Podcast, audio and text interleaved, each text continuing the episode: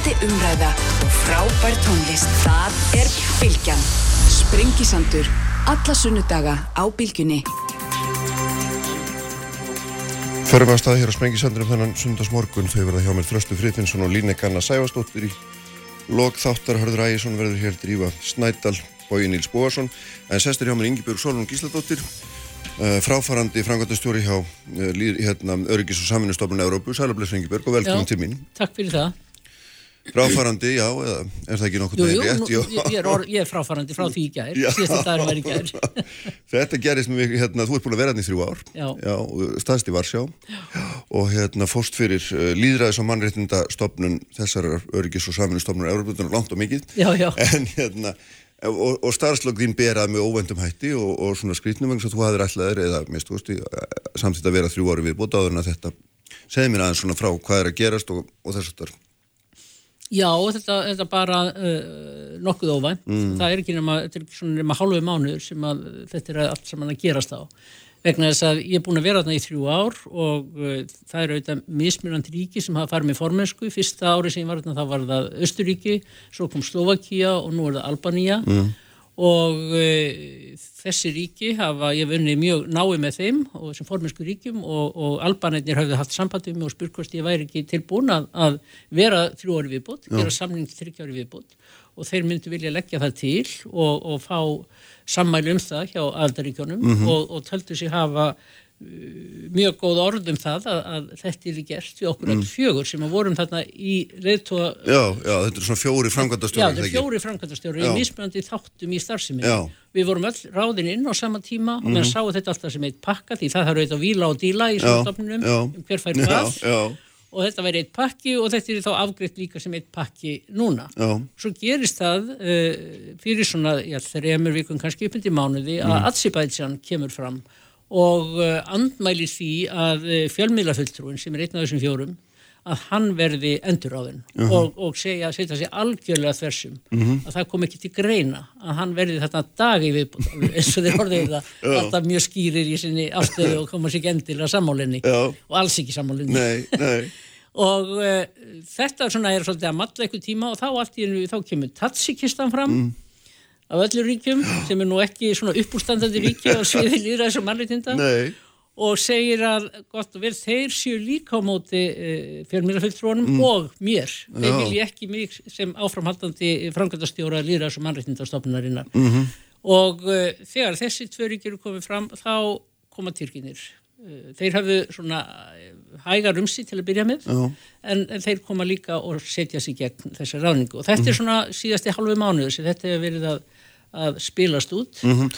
Og, og var forsenda fyrir ráningunni er það ekki, er það verða allir að vera sammála, það er það, Jú, er það sem hangir á spýtunni. Það, það er ekkert að, að þetta er þessi stopnun, eða öryggis og samvinnustofnun Európu, hún byggir á, á sammæli Mm. Já. Og uh, það er þegar hún var stopnu í byrjun tíunda áratugurins þá eru menn að koma sér saman um ákveðin grund, þetta prinsip og síði líðræðis og, og, og mannreitinda og réttaríkisins Mhm. og þetta var hugsunni svo að þessi nýju uh, ríki, nýju líðræðisríki sem að voru þá að verða til fyrir um sovjetlýðveldi að, að aðstóða þau við að koma á líðræði og mannréttindi og réttaríki í, í, í sínum ríkjum. Mhm. Og, og þetta eru svona grundvallar prinsipin og þá var sammæli um þetta allt saman og það er sko mjög mikill styrkur í því Mhm. vegna þess að það voru í hérna í byrjun tíunda áratugurins samtvíkt mjög merkileg eh, grundvallar prinsip mjög merkilegt regluverk fyrir þessi, þessi samtök sem eru um þessi grunngildi og þeim er gett að snúa tilbaka núna Mhm. mörg ríki myndi eflust vilja snúa þessi tilbaka og Já. finnst þetta allt of stert mandat sem við höfum og, Mhm. og allt of uh, mikla kröfur gerðar og myndi vilja snúa þessi tilbaka en vegna reglunar í sammæli þá er það ekki hægt Mhm. en hinsliðin á þeim penning Já. er að þessi að ríki hafa líka neitunavald gagvart fjárhagsáallun, gagvart ráðningum á, á, á fórustum fólki, Mhm. uh, gagvart uh, fundum sem haldnir eru, alls konar smá hlutum og það er alltaf hægt að taka eitthvað í gíslingu og þessi samtök gang- ganga þáttið mikið út á það Já, það er svoleiðis, já. að taka mál í gíslingu Já. tekur eitthvað mál sem út kannski ekki den til ósamála Mm. Og, og, og setur því þversum og neytar að samþykja nokkur skapaðan hlut sem þetta mál varðar nema Já, hún fáir þá eitthvað annað. Já, já, fyrir þinn já, snúð. Þannig að mikil, mikil, hérna, mikil hrossakaup stundum í gangi. Já, og þú kemur náttúrulega inn á sko 2017, þá er náttúrulega ákveðin hrossaköp í gangi vegna, þá er úgrænindeilan uppi og það logar raun og verið allt í ilddeilum og það er einhver málamiðlunni það ekki þegar þið fjögur sem núna voruð, er það hætta eh, komið inn, er það ekki Jú, jú, það er ykk- ykkur málum, ég veit auðvitað ekkert hvaða viðræður fóru fram baka tjöldin, en, en það var, það var mikið leita, við komum ekki inn fyrir við erum samþýtt þarna í, í júli og það tók alveg hálft ár mm. að, að finna fórustu menn og þennan búa til þennan pakka. og við erum þarna, það er Frakki og það er Ítali, mm. Svislendingur og ég sem Íslendingur frá Norðurlandabúi. Og uh, það eru svo sem ríki er austanvínar eins og ég segi Mm. fyrir austanvín, við erum stundum talað um fyrir austan og vestanvín, því að höfustöðnar í vín. Já, eh, fyrir austanvín sem að eh, voru kannski ekki alveg sátt og fannst að, að, að þau fengi ekki nógu mikið út úr þessum pakka. Já, en málið eru auðvitað að þú, þú verður að koma fram með uh, kandidata já, sem að standa þó undir nafni Mhm. og geta þá og hafa eitthvað forsögu Mhm. sem að getur þá duga til þess að fleita þessum einstaklingum inn í þessar stöður. já. En nú, nú er þetta þannig að, þú- eins og segir að þarna þar sammælið er það mikilvægast að það þurfa allir að standa saman að því sem gert er. Og núna gerist þetta og, hérna, og það var náttúrulega auglust eins og segir líka það er stöðut verið að taka máli gíslingu og rossakaupum maðurstu menni, minna, vantarlega þá er svona stofnunin ekki jafn sterk innan frá eins og hún ætti að vera og, og er, það, er það ekki ætti að draga þá álítuna? Jú, jú, það er alveg hægt að draga það álutun vegna þess að sammælið og, og svona líðræðisprinsip byggir líka á því að það sé ekki, ekki bara einhver rossakaup í gangi, heldur að sé alltaf samræður í gangi Já. og menn reyna að finna eh, einhvern lámars eh, Já. samnefnara og, og þar verður allir að, að- gefa svolítið eftir Mm. og uh, það er eðlilegt að mörgu leiti en þegar að menn allt í hún sitja bara hælan í og hafi rauninni ekkert efnislegt. Nei. eins og í þessu tilviki, ég vil meina það í mínu tilviki þó að Tyrkirnir hafi uh, notað þetta að ég hafi ekki viljað samþykja að útiloka ákveðin frjálsfélagsamtök frá, frá fundum Já, þá er það ekki efnislega á það ekki við röka stefjast vegna þess að ég hefði ekki á valdi mín og verksviði Aha. að gera það. Já, þetta er pólitísk ákverðun og pólitískar ákverðun, ákverðanir eru á valdsviði aðdaríkjana, Já. ekki framkvæmdastjóran. já. Að Þannig að það sé, svo, þetta er þannig að aldrei ekki nega fulltrú en svo geta frjálsfélagsamtök komið líka og, og setið til bors með þeim að bara, jafngildir það ekki, Jú, geta tekið til algjörlega. máls og Jú, já, það hefur mér alltaf þótt hérna, styrkurinn við, við, við ösi að það er aðkoma frjálsra félagsamtöka og það eru þetta hugmyndi líka frá tíund áratökunum vegna þess að frjálsfélagsamtök eru svo mikilvæg í því að halda stjórnveldum við efnið. Og, s- og, og, og, og koma fram og, og gaggrina þau ef þau eru ekki að innleiða þær skuldbyttingar sem að þau hafa undirgengist. Og við höldum til dæmis í Lýðræðis og mannreitnindastofnunni stóran fund í september og hverjum ári hverju ári, hann stendur í tvær heila vikur. Þar sem er verið að fara yfir allar skuldbyndingarnar á sviði mannréttinda og líðræðis og réttaríkisins og þar eh, geta ald, aldrei ekki sitja að rauta með sína sendinemdir en svo koma frjálsfélagsamtökinn og sitja þessa fundi með alveg sama rétt og aðdaríkin, mm Máls, málfrelsi, fullkomi málfrelsi og tilögur rétt. Og eru að, að gaggrína já, og, og þetta hefur, þetta er styrkurinn í þessum samtökum. já, þannig að það koma kannski samtök sem eru stjórnvöldum á einhverju staðum í óþáli árið og hérna, og bá svona það hvað stjórnvöld standa síðla. Já, mjög gjarnan, mjög gjarnan, það eru frekar þau sem koma. Já, Og svo reyndar hefur það fæst mjög aukan undanfjöldum árum og svo kallu gongos sem er governments uh, NGOs, governments non-governmental organizations. já, já, já, Það er að svona frjálsfélagsamtök sem eru sett á lakkirnar af stjórnvöldum Já. til þess að tala máli stjórnvalda í stað þess að já, gaggrina já, já, já, já. Og þetta einhvers konar leppsamtök Já. sem sagt, já, það, það færist átt í aukan að þau koma á þessa fundi og eru þá að, að mæra sín stjórnvöld Mm. já, sérstaklega. já, Ok, þetta er bara svona, að, hérna, þau hafa sama aðgang og aðrir, það er ekki tægt að útiloka þau. Og það er auðvitað máli, það er ekki tægt að útiloka félagsamtök og ákveða hver, hvaða félagsamtök manni líkar, Nei. hver ekki. Það verður bara að lifa við það að þau koma og svo verður bara að svara þeim málefnalega. og það er það sem Tyrkirnir segja að þú- þið hafið hleyft inn einhverjum sem að hérna, þeir verið að kalla hriðverksamtökar það ekki? Jú, Já. Vi, við höfum hliftin samtökum sem að þeir telja að séu uh, hvað maður segja hlýðhóll Fethúla Gulen mm. sem að sittur í Fíladelfíu og Já, þeir já. hafa krafist að fá framseldan til já. en bandaríkjumenn hafa hins vegar hafnað Já, já, og þeir segja að hann sé uh, potturinn og pannan á bakvið þessa tilröndi valdaráns 15. júli 2016 já, en bandaríkjumenn hafi ekki viljað fallast á að þeir hafi komið fram með frambærileg uh, efnisleg rauk fyrir því. Þú er nú alltaf verið bara í Tyrklandi þegar þetta gerðist, Já, ég Já, var þarna. Já, og það er það sem ég finnst svona svolítið kaltæði við allt saman vegna þess að ég bjó náttúrulega í Tyrklandi í, í þrjú og hálft ár. Já, ég tel mig þekkja betur til í Tyrklandi og ég tel mig skilja betur Tyrkni stjórnvöld heldur um mjög margir aðrir. Já, og ég var þarna þegar valdaráns tilraunin átti sér stað. Já, þannig að, að, að, að sko þeir eru í raun að skjóta og það er bara þannig. Og það er svona öðrum víti til varnaðar. Skulle ekki vera að, að kásast upp á okkur eða það hefur afleðingar í förmur já. sér. Við höfum þetta að sé að Tyrklandi nú bara eitt dæmi en mörg, en til, samt mjög stert dæmi en það hvernig svona valdbóstjórnir ná að sölsa undir sig hérna heilu samfélagin og, og þarna hann er alltaf gríðarlega öflugur hann Erdogan og hérna og margir vilja nú meina, eða vil- minnstu þessi hérna á Vesturlundunum getur við sagt, vilja nú meina að hann er sjálfu staðið á bakvið þessa þess að Valdaráns, valdanans tilrönd til þess einhvern megin að geta svo verður hann auðvitað fangilsað þúsundi manna í kjölfarið sko. Já, já, en já, hvernig, ef ef þú horfir aðeins yfir þetta ég meina, svona, þessi reynsla svo út með ég meina, vex svona valdbóð stjórnum fiskurum hrygga það er oft talað um það finnst þér að vera raunverulega þannig? Já sko mér finnst að það sem að sér er að vald spillir já, og því lengur sem menn hafa völd því spiltari verður þeir. Ég er að þeir tala um spillingu, þá er ég að tala um spillingu hugafarsins aha, og Erdogan er náttúrulega búin að vera lengi. Já. Orban er búin að vera lengi. Putin er búin að vera lengi. Mm. Aliyev í Azerbaijan er búin að vera lengi. Já. Og, og þessir menn sko þeir, þeir herða stöðugt tökin eftir því sem þeir sitja, sitja lengur. Og e, því miður þá er það líka það sem að sér að e, kjósendur eh, geta stundu verið að hann sé hallir undir hinn hin, hin sterka mann, hinn sterka leðtúa og, og uh, það höfum við þetta séð í margur ríkjum og, og einhvern veginn er svona, hefur verið ákveð ákall eftir, eftir slík og kannski vegna þess að það hefur verið svo mikið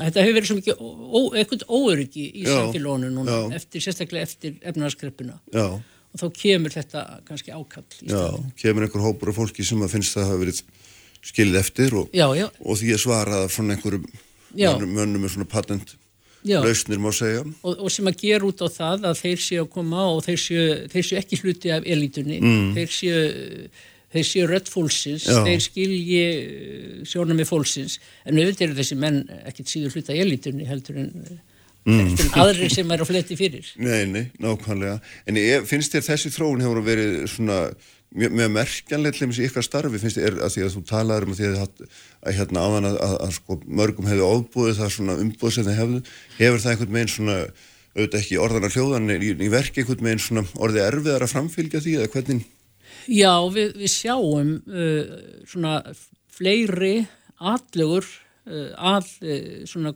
grundvallarreglum líðræðisins og mannréttindana og að, að réttaríkinu. Við erum að sjá þetta í auknum mæli og við sjáum þetta líka núna sérstaklega í, í kringum COVID mm. og þessi sagt, neyðar stjórn sem að settir á lakkinar víða í þessum aðaldaríkjum. Eðlilega vegna COVID þá eru menna setja til hlýðar ákveðin grundvallar mannréttindi Já. eins og félagafrelsið eða, eða það já. að koma saman já, að, að fólk geti komið saman mm.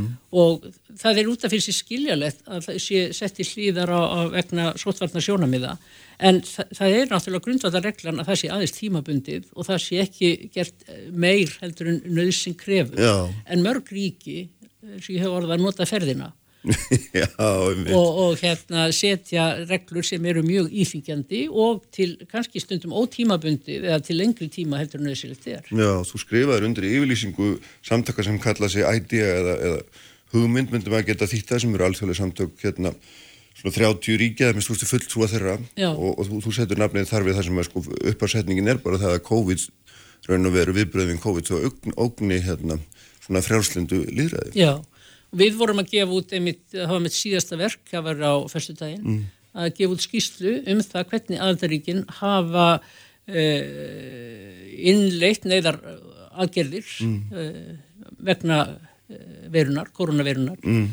og uh, það er svona farið svolítið yfir sviðið og, og alla þessa málaflokkar sem myndir okkur heyra og skoðað hvernig hafa þau staðið að málum og það er mjög víða bótti brotin, það er alveg uljúst mm. og það eru, það eru alls konar ríki sem að svona umgangast þessi grundvallar réttindi og líðræðið ansi frjálsliða Já. og kannski mjög frjálsliðar hættur en nöðsilegt er. Já, að því að nú er þetta þannig að svona, hvað er maður að segja, eftir svona 1990 frá því að múrin fellur þá er þetta svona, þá horfðum við að fullnaða sigur hins vestræna líðræðis og, og, og hérna heldur að átökum er því lokið og já. allir myndu bara feta þessa góðu braut að minnstu úrst það fannst þeim sem höfðu skapað hana en svo hefur þetta náttúrulega alls ekki orðið þessi svona bein og breyða Nei, nei, nei, leið. kannski var það aldrei, þetta var svona rétt í, í byrjun, það er mm. náttúrulega mikið bjart síni og uh, það er svona að menn ákveða allt í skóinum alltaf vera vinnir og, og vinna saman að því að innleiða þessi grundvalla prinsip hins uh, frjálflinda uh, líðræðis. Mm. En svo hafa svona svolítið leið, leiðir skilið og, og eitthvað líki helst svolítið úr lestinu og og kannski aldrei komið og auðvitað aldrei komið fyllilega með mm. í þetta, þó þau hafi farið, gengið í hennan klúb það er engið sér skuldbindur til þess að vera þarna. Nei, nei. þau eru þarna fúsum og sem vilja. já, og undirgangast, undirgangast þessar skuldbindingar. Það, það eru pólitíst skuldbindandi, það er ekki lagalega skuldbindandi það er pólitíst mm. og þau þurfa þetta ekki að vera þarna, þau geta hægt mm. en þau vilja vera þarna og þá verður þau þetta að vera svo góð að spila samkvæmt það er það sem okkar hlutverk var í líðræðs- og mannreitnindastofnunni að halda þeim við efnið og aðstofa þau. Það er mm. líka mjög mikilvægt aðtrið í þessu. Við erum ekki bara að benda einhverjum fingrum á þau og, og, og, og skamma þau og gaggrina. Við erum líka að benda þeim á hvernig við getum aðstofa þau og við erum búin að aðstofa til dæmis mjög mikið Úsbyggistan. Það er búin að vera mjög gaman að vinna í svona ríki eins og Úsbyggistan og sjá opnununa sem er að verða. Mm -hmm. Þannig það gerist líka. Já og þá eru þið aðstofað með hvernig kostningar fara fram og, og... Við aðstofaðum með hvernig kostningar fara fram með lagasetningu, hvernig mm. kostningarlög eiga að líta út, mm. hvernig eh, lögum domstóla eiga að líta út, uh, hvernig þau eiga að standa að lagasetningu, hvernig þau eiga að, að, að, að hafa samband við frjálfsfélagsamtök og hvernig regluverki í kringu þau eiga að vera. Mm -hmm. Þú veist, allir þessi hlutir. Já. Já. Sem eru mjög mikilvægt Já, en það er merkeld og nefnir hérna, hvernig lögum dómstóla er verið því að nú er, hefur verið staðsett í Pólandi og það hefur verið gerð mjög harða allega að, já, já, að við, og við höfum gaggrind það. Við höfum gefið uh, okkar uh, látið þá í, tíu okkar skoðun á því. Mm. en það er lindar einslið á þessu starfi okkar. Við getum ekki bara upp okkar endæmi ákveð að koma með skoðun á okkur lagasetningu í, í Aldaríki það verður að koma beðinni um okkar skoðun frá annarkort þjóðþinginu, frá ríkistjórninu, frá umbósmanni alþingis mm -hmm. eða uh, hæstarétti. Já, já. Þannig að það verður að koma frá, uh, segja, til þess bærum yfirvöld. Já, en um leið þeim sem að á að skoða í grundagratriði. Já, já, já, já. Og þau eru stundum mjög treg að leita eftir skoðun okkar, en oft get, er það nú ykkur í ríkinu eins og umbósmaðurinn. Já Við höfum oft fengið, eh, til dæmis eins í löndum eins og Georgíu, mm -hmm. þá höfum við oft fengið beðinir frá umbórsmanninum þar að, að, eh, og eins í Pólandi mm. að koma með álit á, á tiltekum lögum og það höfum við gert og í Pólandi höfum við gaggrind, emmitt, þær breytingar mm. sem þar hafa verið gerðar á, á domstólunum eða tilögum. Já, já, já. Og hversu svona, hversu málsmetandi eru svona samtök í raun og veru? Er þetta er þetta formið eitt og fundahöldin eða, eða hafa þessa skoðinni sem þið setið fram álit hafa þau einhver áhrif? Hvernig svona? Já, þær hafa áhrif þetta er svona kannski meira spurningin um uh, orðspós mm -hmm. þessar ríkjar sko. ef að það koma fram svona álit eins og frá okkur og frá, frá Európaráðinu og, og til dæmis mm.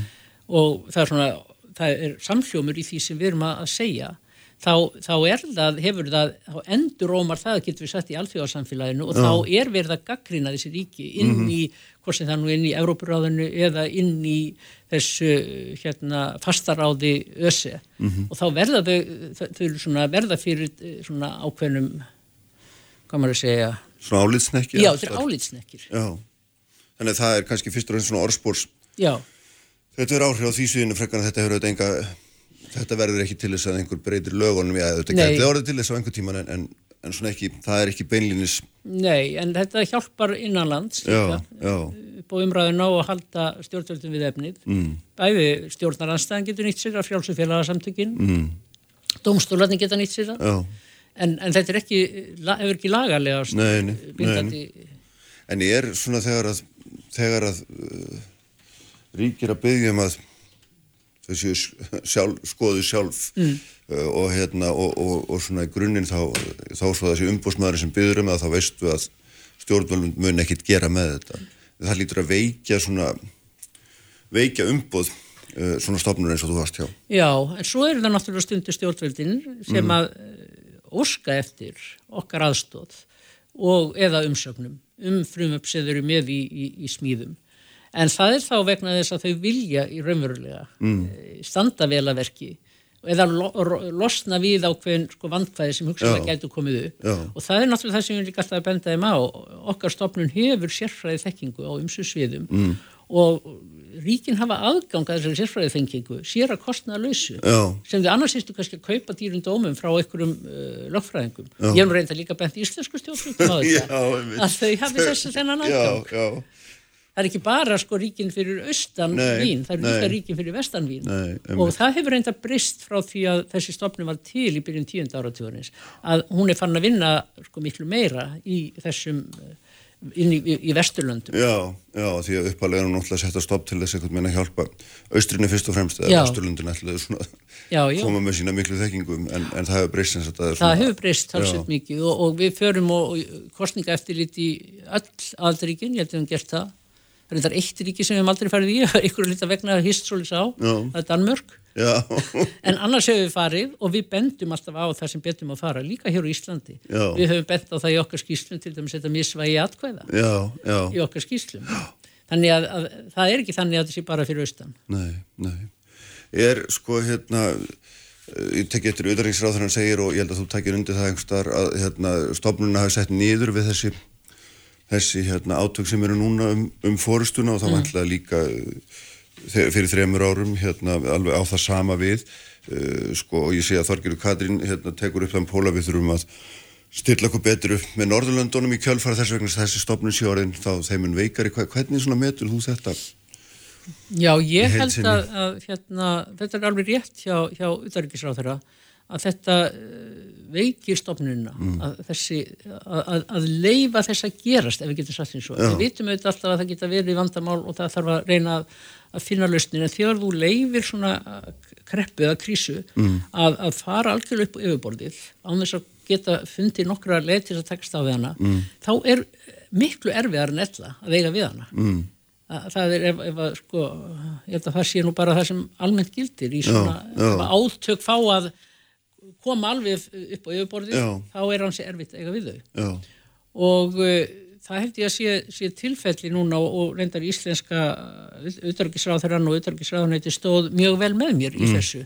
Og þegar þakki skildar fyrir það að standa mjög fast á grundvallar prinsipum í, í þessari, þessari eins og mörgum öðrum. En Norðurlandi gæti spila miklu stærra hlutverk. Já, og það er þetta tómarúm sem er orðið á, á alþjóðavettvangi sem að uh, vegna þess að bandaríkin hafa svolítið verið að draga sig sko út já, já, eða hvað maður að segja, þeir eru, náttúrulega fyllir aðilar, það er ekki það? En þeir hafa verið svona uh, þeir gera sig ekki eins gildandi. Nei, og þá verður til ákveði tómarúm. Og það er mjög hættulegt. Þegar engi fyllir upp í tómarúmið.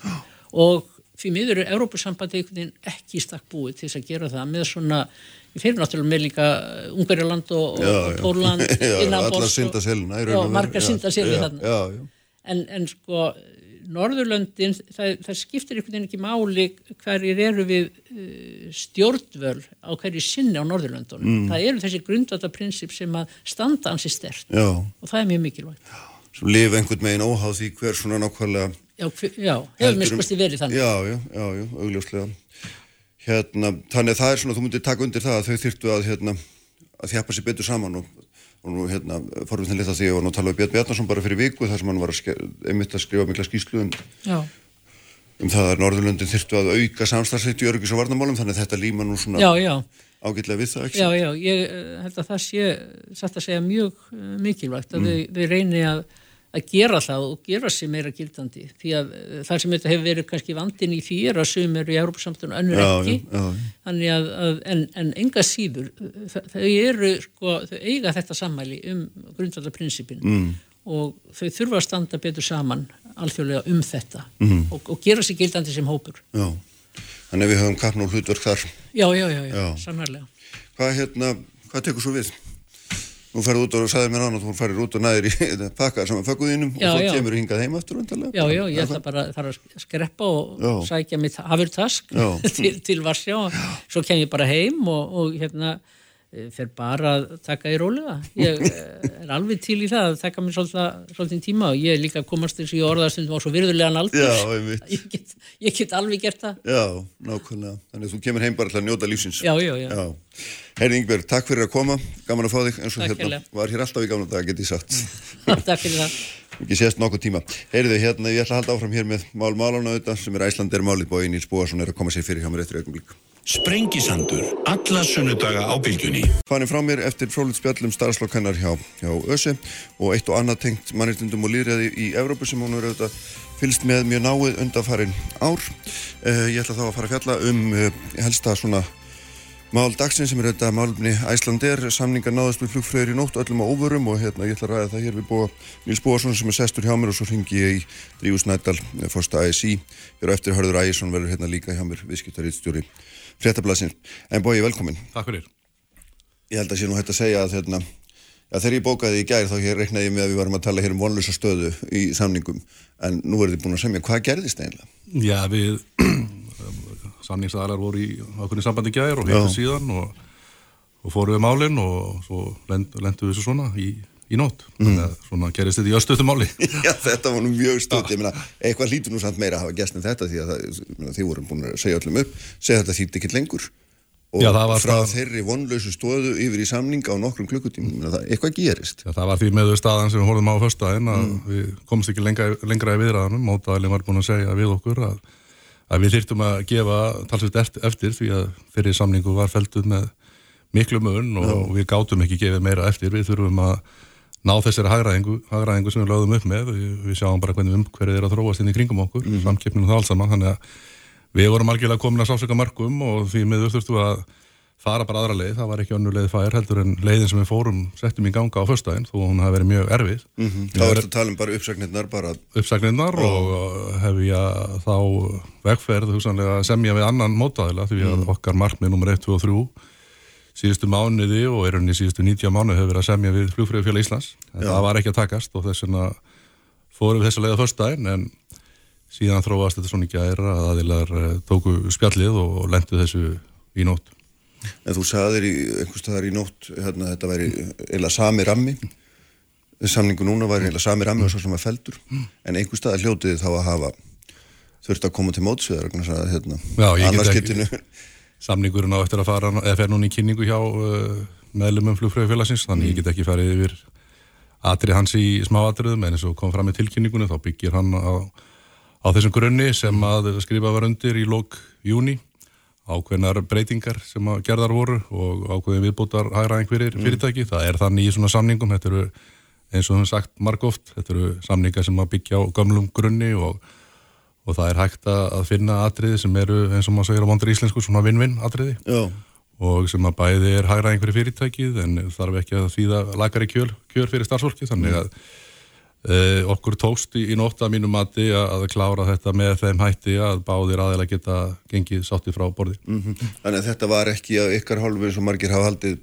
kilva á föstudaginn um að hérna, segja öllum upp og hérna nú verður Alls engin kilva, við vonum bara í mjög þröngri stöðu, við erum að reyna að bjarga okkur fyrirtæki og, og við vonum komin að leiða enda í viðræðan við flugfræðufélagi í síðustu viku og þurftum þá að fara aðra leið og engin kilva reyta á loft þar, eh, bara í rauninni viðbröði ákveðni stöði sem við vorum í. en hvað eru, hvað, hvað eru laun flug hérna fluglíðallumis stór hluti af rekstrakostnaðin um hvað eru við að tala í þessu samhengi? Eh, Þetta er eh, ríflega 10% af launakostnaði félagsins en það er svo margt í okkar rekstri sem við höfum ekkert stjórn á. Eh, Bara elsneitisverð, verð flugvjela, yfirflugskjöld á, á flugvöllum, afgröðslugjöld og þannig að það er mjög stór hlut í okkar rekstri sem við höfum ekkert stjórn á. Þannig að í þessu verkefni sem við erum í núna að sapna nýju hlutafér að þá verðum við að vera mjög samkeppnishæf í þeim kostnaði liðin sem við eigum að hafa stjórn á og við höfum séð, við vorum bara tilbaka síðustu 20 árin, eh, ný flugfjölu verið stopnuð með aukt blað í, í samningum. Og, og samningar við flugstjættir hjá þessum fjölum eru runni allt öðrum grunni og munu hakkvamari í reynskilin sagt heldur en uh, gamalgrónu félögin eins og Æsland er Já. hefur verið að vinna með. Og uh, síðan höfum við séð félögin sem við erum að þessar gamalgrónu félögin sem að keppa við bara sem dæmi SAS og Finnir gera talsverða breytingar og undanfjöndum árum á sínum samningum við flugstjættir í átta hægraðingu meðan við höfum svolítið setið eftir. Og þannig var bílið sem við þurftum að brúa núna ansi breytt og því var þetta krefjandi verkefni og en algjörlega nöðsilegt upp á fyrir bara framtíð félagsins og þannig að, framtíð, að þannig að félag geti áfram haft þannig að fjölda starfsfólks í vinnu. Þannig að þetta var staðan sem við stóðum fram með fyrir. Já, að gefnum óbreyttum umsögum með þetta sem við vitum ekkert Nei, mark, mark, markmiðið hjá okkur er að koma félagin í gegnum þetta og en, en það er rétt óvísan er mikil en við teljum að félagið eh, ef við komum í gegnum, komumst í gegnum því sterkari stöðu í það séu mörg tækifæri sem að við getum greipið og farið að vaksa og dafna aftur og farið í sömu stöðu og við vorum hérna fyrir, fyrir þe- þennan faraldur. En hversu langt voru þið? Þið voru tilbúin að ganga alla leiði því að, að hérna, kalla flugmennin ekkar og ég heyrði það þegar við ættu að mæta okkur námskeiðum helgina til þess að fara yfir grundvallarættri í örgismálum og, og ég meina, voru þið komin á það slóð að fara að semja við til dæmis erlendar áhafnalegur? Færa þetta út úr landinu? Flugmenn uh, eru með réttindi, þeir, bara þeirra þjálfun og, og það allt saman, þeir hafa þessi réttindi, það var smá viðbóta þjálfun sem þurfti að fara í að þeir hafa náttúrulega ekki sint þessu starfin uh, undarfarið, þannig að það var smá viðbóta þjálfun sem þurfti að fara í og, það var sett í gangi í gær og þjálfun hóst í gær en afturkolli síðan í dag.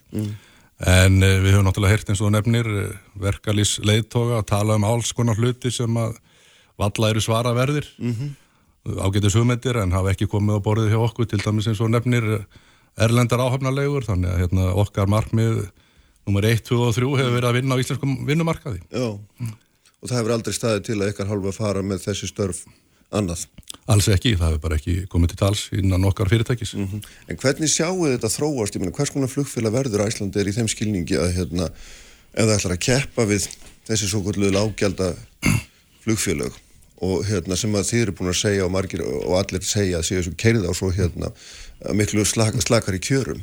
Nú, erum við að fara að reyna að keira í háluna landi launin okkar niður til þess að keppa við slík félag. Nei. Skýrða eins þess að mynd fyrir mig eins og því sjáum við þetta. Eh, eins og við höfum sagt að þá er það engin leið fyrir íslenskt flugfélag í þessu íslenska umhverfi sem við ætlum að vera í áfram að keppa við flugfélag sem gera til dæmis út frá Austur-Európu. Við keppum ekki á verðum við þessi eh, flugfélag því að rekstrakostnaða þeirra er lægri.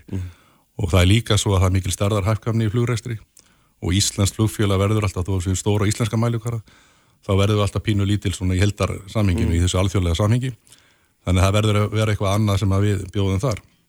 Og það er þjónustan og varan og þessu upplifun sem að farþeginn í raunni upplifun þannig að kemur um borðið okkar velar og, og þá verður þá þjónustan og upplifun að standa undir þeim verðum sem að félagi þarf að selja sína vöru á til þess að bara skila hagnaði. Þannig, þannig, þannig gengur þessi jafna upp og félagi hefur, ef við horfum tilbaka til ásins 2011 með þetta vískipta líkan sem við ætlum ekki að fara að breyta skilað hagnaði langflest ár og við ætlum að gera það áfram og teljum að við höfum allavega möguleika til þess. En þið þurfum samt sem áður að fara í skerðingu á launum í öllum til þess að það gangi upp, er það ekki rétt skil? Þetta er ekki skerðing á launum, það er að verið að hækka laun, það er að fara fram á aukið vinnuframlag og uh, breyta skipulagi og auka sveigjanleika fyrirtækinsins en það er ekki verið að lækka laun.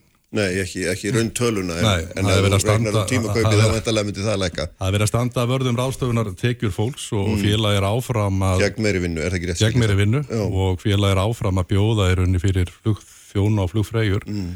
Bestu kjör sem að þekkjast inn í kringum okkur og þessi, þessar fullýringar verkalisleitoga undanfanna daga eru náttúrulega valla svara verð Mm. við séum í félagslegum undirbóðum og eins og þú nefndir áðan að erlenda starfsmannlegur, þetta er náttúrulega bara algjörð þvæla. Og aldrei vaka fyrir ykkur, þú, þú fullir að svo hefur verið. Nei, og það er bara svo, ég bæta þess við Já. þetta, það er bara ákveðin sárindina míns félags, það við erum með tæplega þúsund aðila í eh, félagsmenn í Vafferð sem dæmi Já, og með að við erum að reyna að bjarga félaginu þá er formaði félagsins Vafferð að reyna að fella félagið, mm. þannig líta hans félagsmenn á sem er að starfa hjá okkar félagi, þannig að þetta er náttúrulega algjörum ólíkjundum að hlusta á þetta og ekki stendur ekki steinni við steini í þeirra málflutningi. Og síðan þessi, hvað ég var að segja, skuggastjórnun uh, varðandi óháða stjórnamenn í lífeyrissjóðum eins og við höfum séð það undarfarið í fjölmjölum með yfirlýsingum á fleirum hjá verkefliðsleitum, það lítur náttúrulega að verða að skoða að, að fjármála eftirlitinu núna í mm. beinu framaldi. en ert þú vissum að þið hafi haft eh, hérna, lögin eitthvað megin þegar þið fóru þessa leið að segja bara öllum upp og hérna Ég veit að samtök að lýsins bökku ykkur upp í þessu en svona það er auðvitað hérna hafa komið fram ímsálagfræðilega tólkanir á þessu nú þegar. Já, við sáum náttúrulega lögfræðilega tólkun í gær hjá uh, lög, lögmanni sem hefur lengi starfað fyrir Já, já, í, á því þessum svo, gæra svo harkalega mótmælt eila bara og hérna, klukkutíma þannig að síðan. við höfum náttúrulega farið fórum mjög vel yfir þetta lögfræðilega og, við erum algjörlega samfarið á um að við vorum með lögin okkar megin, okkar félag hefur þá reglu að vinna samkvæmt uh, lögum að sjálfsögðu. Mm. en þetta var þetta mjög erfið ákvörðun og mm. erfið skrefa stíga, það er, það er ekki spurning. En sko, ef maður horfir á eitthvað stöðu á, á hérna, í gær, þegar þið eru að setjast að samningaborðinu, þá er það þannig að þið eru búin að æsa upp alla verkarsreifinguna mót ykkur og það getur verið ómagletika ekki en hún er allavega æst og er einhvern veginn að þjappa sér saman og, hérna, og heyrast víðarattir, ég meina það er alveg ljóst líka að, að það er erfitt fyrir ríkistjórn að bakka ykkur verulega upp eða ættu í stríði við stjættafélagin í landinu með lífeyri sjóðuna sem að hlutafuna þannig að stað ykkar, myndi ég segja að, að þessum tímapunkti fyrir utan allt tekjuflæð og allt það var náttúrulega ekki sérstök. Nei, þetta var hérna, þetta var, hvað að segja flókin staða sem við vor, vorum í og erum ennþá í að, að sjálfsögðu hérna, en við þurfum að sína fram á fjárfestingatækifæri sem að er arbætt í framtíðar og verðum að geta sínt fram á að félagi sér samkennisæft mm. vinnandi á þessum íslenska vinnumarkaði sem við ætlum að, að gera til framtíðar og við náðum ekki samningum við, eins og við sagði aðan, flugfræðifélag Íslands og þurftum að fara einhver aðra leið algjörlega löglega leið mm. þó að þetta hefur erfið ákvörðan að taka segja upp uh, frábæri starfsfólki og fá flugmenn til að taka tímabundi við, þetta er náttúrulega ekki eitthvað sem maður ma ma vil gera en við urðum að gera þetta Mhm. því að við ætlum að bjarga okkar fyrirtæki Já, en ég meina, aftur, ég meina, gagvart ríkinu og gagvart lífur í sjónum, meina, það var engin önnu leið fyrir ykkur í þessara stöðu heldur en að hérna, taka tillit til þessara hildarhagsmunar lítur að vera, meina, það, verður maður ekki að tólka þetta sem svo?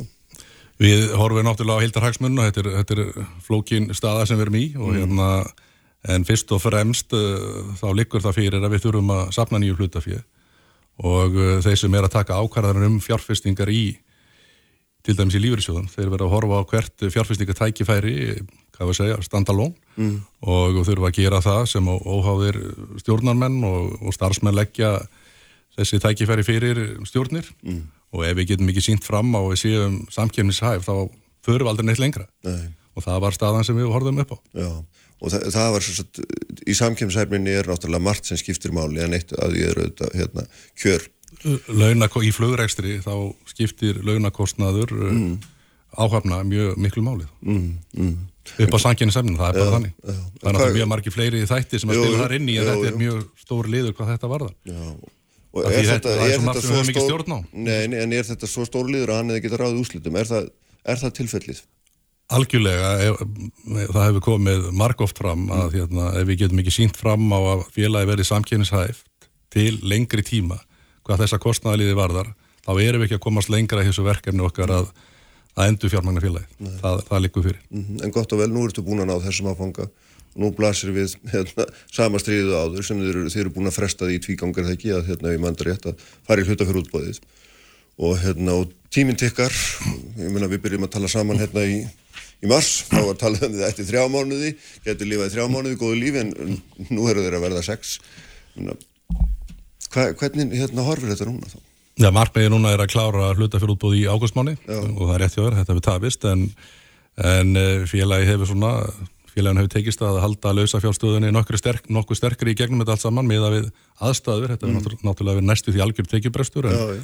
en með sem ég leika útsjónasemi þá hefur starfsfólki okkar náð að skapa félaginu viðbóta tekjur til dæmis í fraktflutningum, leguflugi og þess áttar og, Þannig að staðan hefur verið svona skarri heldur en við áttum kannski von á meðal annars vegna þessa en, en það er ekkit flugfélag og ekkit félag sem þóli svona mikið tekjubrest eh, lengi og þess vegna verðum við að klára þetta verkefni núna í ágústmáni, það, það er ykkur algjörlega fyrir. Já, og það eru lánadrótnarnir sem eru náttúrulega fyrst og fremst þessir íslensku bankar kannski, Já, en einhverjir erlendir- erlendi líka er það ekki? Bæði erlendir bankar og, og leigusalar á flugvölum. Já, og svo er það þessi samningu við Boeing Já, já.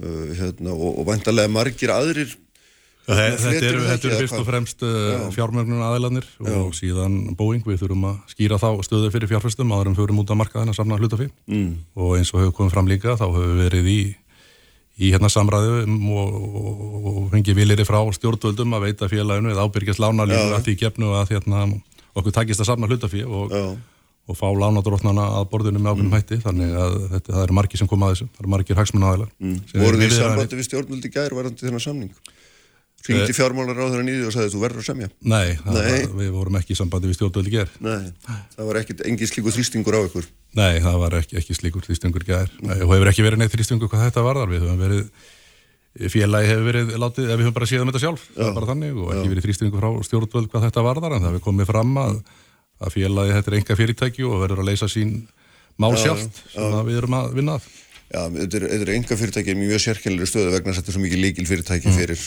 okkur öll og, og vegna þess að við eigum þetta líka saman. Það, eða svona mistu fórst í beint og óbeint í gegnum þessar lífriðsjóða sem gerir náttúrulega stöðuna aðeins öðruvísi heldur en þetta væri nú bara allir með sig eigu okkar. Tvekja sem hér sitjum eða hvernig það væri, skilur Já og þetta er náttúrulega það sem er að gerast í Londonum í kringum okkur að það er verið að stjórnvöldi eru að koma að flugfélum að veita þeim aðstóði gegnum þetta og við erum í sömu stöðu en, en skilir í hér hefur verið, það er ekki allstað þannig að þetta sé gert í ákveðinu markaslaust Já. að koma stjórnvalda er skilirt eh, að þetta sé ákveðin markaslaust þannig að við söpnum rauninu hluta fyrir á, sama tíma. Og það sé hægt að frá, sjá eitthvað fram úr ekstrinu Já, að þetta sé sjálfbar rekstu til framtíða líka. En hvað svona, hérna, ég fæði aðeinslega að spjalla aðeins meira um framtíðina vegna að hérna, hva- hvaða svona, hvernig eru þessar hindranir á leiðinni? Því að nú höfum við séð þetta þannig að þessar samningar sem hafa gengið mjög bröðsulega þó að við hafa tekist í nótt. En þetta er bara eitt búsl eru hinn jafn, þung og erfið eða eru þau, verða þau sjálfkrafa léttari núna, hvernig, hvernig er þessi ferill eiginlega? Þetta hjálpar til í því, bara í hreinskilni sagt er að hérna, síðasti samningu að feldur, þá hafði það neikvæð áhrif á viðraður okkar við ímsa aðra hagsmunnaðila, þannig að þetta hjálpar til í ekki bara hvað varðar samningin við flugfröðufélag, hann hjálpar líka til í hildarverkefninu að hafa gengið frá þessu samningi aftur. Og uh, önnur málu í þessu eru bara þokast áfram, það er bara þannig og eins og ég sagði, margir hagsmunnaðila sem við erum í viðraðan við og, og þetta mjagast allt saman. En þetta er stort og flókið verkefni, það er ekki launung. Nei, ég trúi því og, hérna, og ábyggilega mjög misjant hvernig menn taka ykkur, ég, meni, ég gerir það fyrir þeir sem að bera ábyrgð hérna innanlands hefur librari heldur en einhverjir naflýsingar í útlöndum sem að hérna eru bara hugsa um peningan eða hvað? Já, það er kannski uh, fyrst og fremst þannig að við erum að tala við stóra aðila út í heimi og við erum náttúrulega pínulítið peð í þeirra samhengi Já, og kannski er við fyrir stóra aðila út í heimi að gera, búa til eitthvað fordæmi með íslenskum litlum aðila sem að kannski tröflar þá í, í samningu við einhver aðra aðila stóra stærri út í heimi. Þannig það er svona það er, það er flóknar að ræða verðlunda aðila í hreinskilin sagt en þetta gengur allt saman svona þokast allt saman. En hvað eru þessir, ef ekki bara kalla á kröfuhafa, hvað er þið með nefi mikið þessu? Hvað er þið hérna varðandi eins og samninga og þess að við hérna, hversu stíft andaður honni í hálsmálu við ykkur og segja að þið verðið að ná þessu og þessu og þessu áður en að við getum talað við ykkur? Við erum náttúrulega skráð félag á, á markaði og fylgjum að sjálfsögðu öllum reglum hvað það varðar, upplýsingagi og þess áttar, innherja reglum og, og uh, en að sjálfsögðu aðeila sem er að taka áhættu á félög, þeir fá alltaf einhverjar upplýsingar á þeir að taka ákvarðanir um breytingar á, á kjörum og, og áhættu, þannig er það bara í, í þannig að uh, það er mikil upplýsingagjöf í þessu ferli. Mm. en við tökum okkar ákvarðanir að sjálfsögðu sjálf, uh, stjórnendur og, og stjórnfélagsins Mm, en þegar þú segir það mikil upplýsingagjöf þá ertu með rúnum að segja að þeir kröfuhafðin hafa einhverju upplýsingar sem þeir geta líka nota til þess að Þeir hafa ekki meiri upplýsingar heldur en uh, til dæmis í markaðurinn hér. Við erum ekki að veita einhverjum aðlum innhýrupplýsingar að sjálfsögðu sem ekki er á innhýralistum á þess aftar og, og, og það er engar innhýrupplýsingar í gangi hjá félaginu. Ef það eru innhýrupplýsingar í gangi þá er það byrtar í, í kaupöll uh, samstund, samstundis þegar það er unni verða til. Þannig að en í bara svona ferli, í endurskiplæringaferli almennt hjá félagum þá, þá þarf að veita miklu upplýsingar. Já, einmitt. Sko, hérna, áður við setjum punktin í þetta, sko, nú, hérna, byrjuði öll að vinna saman aftur eftir þessa mjög hörðu deilu og ég meina hvernig með það ganga því að nú hérna, fólk mjög sárt og reitt og maður tekur eftir að hérna, fólk er að byrta launasæluna sína og, og hérna, flugfrýjar hafa byrta launasæluna sína mjög sárar yfir því hvað er hérna, hafa verið sagaður um að hafa mjög há laun uh, og hérna, sí- sína fram á því gagsta ef við tekum eftir því það eru konur sem hafa hérna, unnið hérna hjá ykkur í ára tugi tala um að sé engin mennska í félaginu og svo framvegis meina, hvernig hérna hvernig ver, verður þetta núna næstunni? Ég held að samstarfi muni ganga vel, við erum öll samstarfsfélagar og erum að fara í gegnum mjög erfiða stöðu, mikla óvissu og hérna sem er alltaf mjög erfitt fyrir, fyrir starfsfólk þannig er bara staðan hjá öllum flugfélögum í heiminn í dag. Við vitum ekki nákvæmlega hvernig næstu sex mánuðir verða hva, og hvað þá árið. Við horfum rauninni bara nokkra viku fram í tíman og þannig er það og við verðum að vinna út af þeirri stöðu í sammenningu. Það sem er búið er bara búið og nú verðum við að halda áfram og, og koma félaginu samanlega í gegnum þetta. nokkra viku fram í tíman, ég minna, ef þú ert stór fjárfyrstir, þá er það kannski ekki, hérna, þá er það nú ekki djúb sínin í það sem að maður á að setja penning í. Nei, mitt og þess vegna var svo mikilvægt að ganga frá samningu við flugstjættunar og geta sínt fram á að við séum með langtíma samninga þar sem eru samkefnishæfir. Einmitt út af þessari óvisum sem þú nefnir, að þú ert fjárfæstir og þá viltu sjá þess að sína minnstakosti. Herri, ég held þú komast ekki lengra bói, takk fyrir að koma og hérna, svona maður sem vinnur við að vera efasamda maður eins og ég, hann okkar kannski ekki þetta, en gangi ykkur vel við þetta.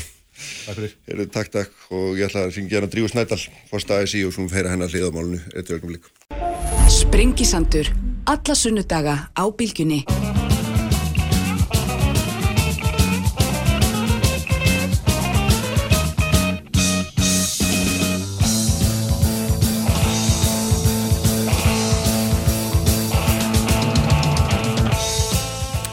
Sælir afturlustendur, þá er Bói Níls Bóðarsson, uh, fórstjóri Æsland er farin frá mér, uh, en í símanum hér er Drífa Snædal sem er fórseti Alþjóðsambands Íslands, ASI. Sælir blessu Drífa. Blessaður. Hvernig, svona, hvernig sláð þessi tíðindi þig? Það var hérna, við heldum held ég öll í gera fyrir dag allt var, allt var upp í loft en, en svo nást þessi samningar í nótt. Hvernig svona, hver er þín viðbröð við þessum? Ég er náttúrulega mjög fegin að samningar hafi nást. Það er, það er svona segðara manna háttur að þegar samningar eru feldir að það sérst að borðum aftur.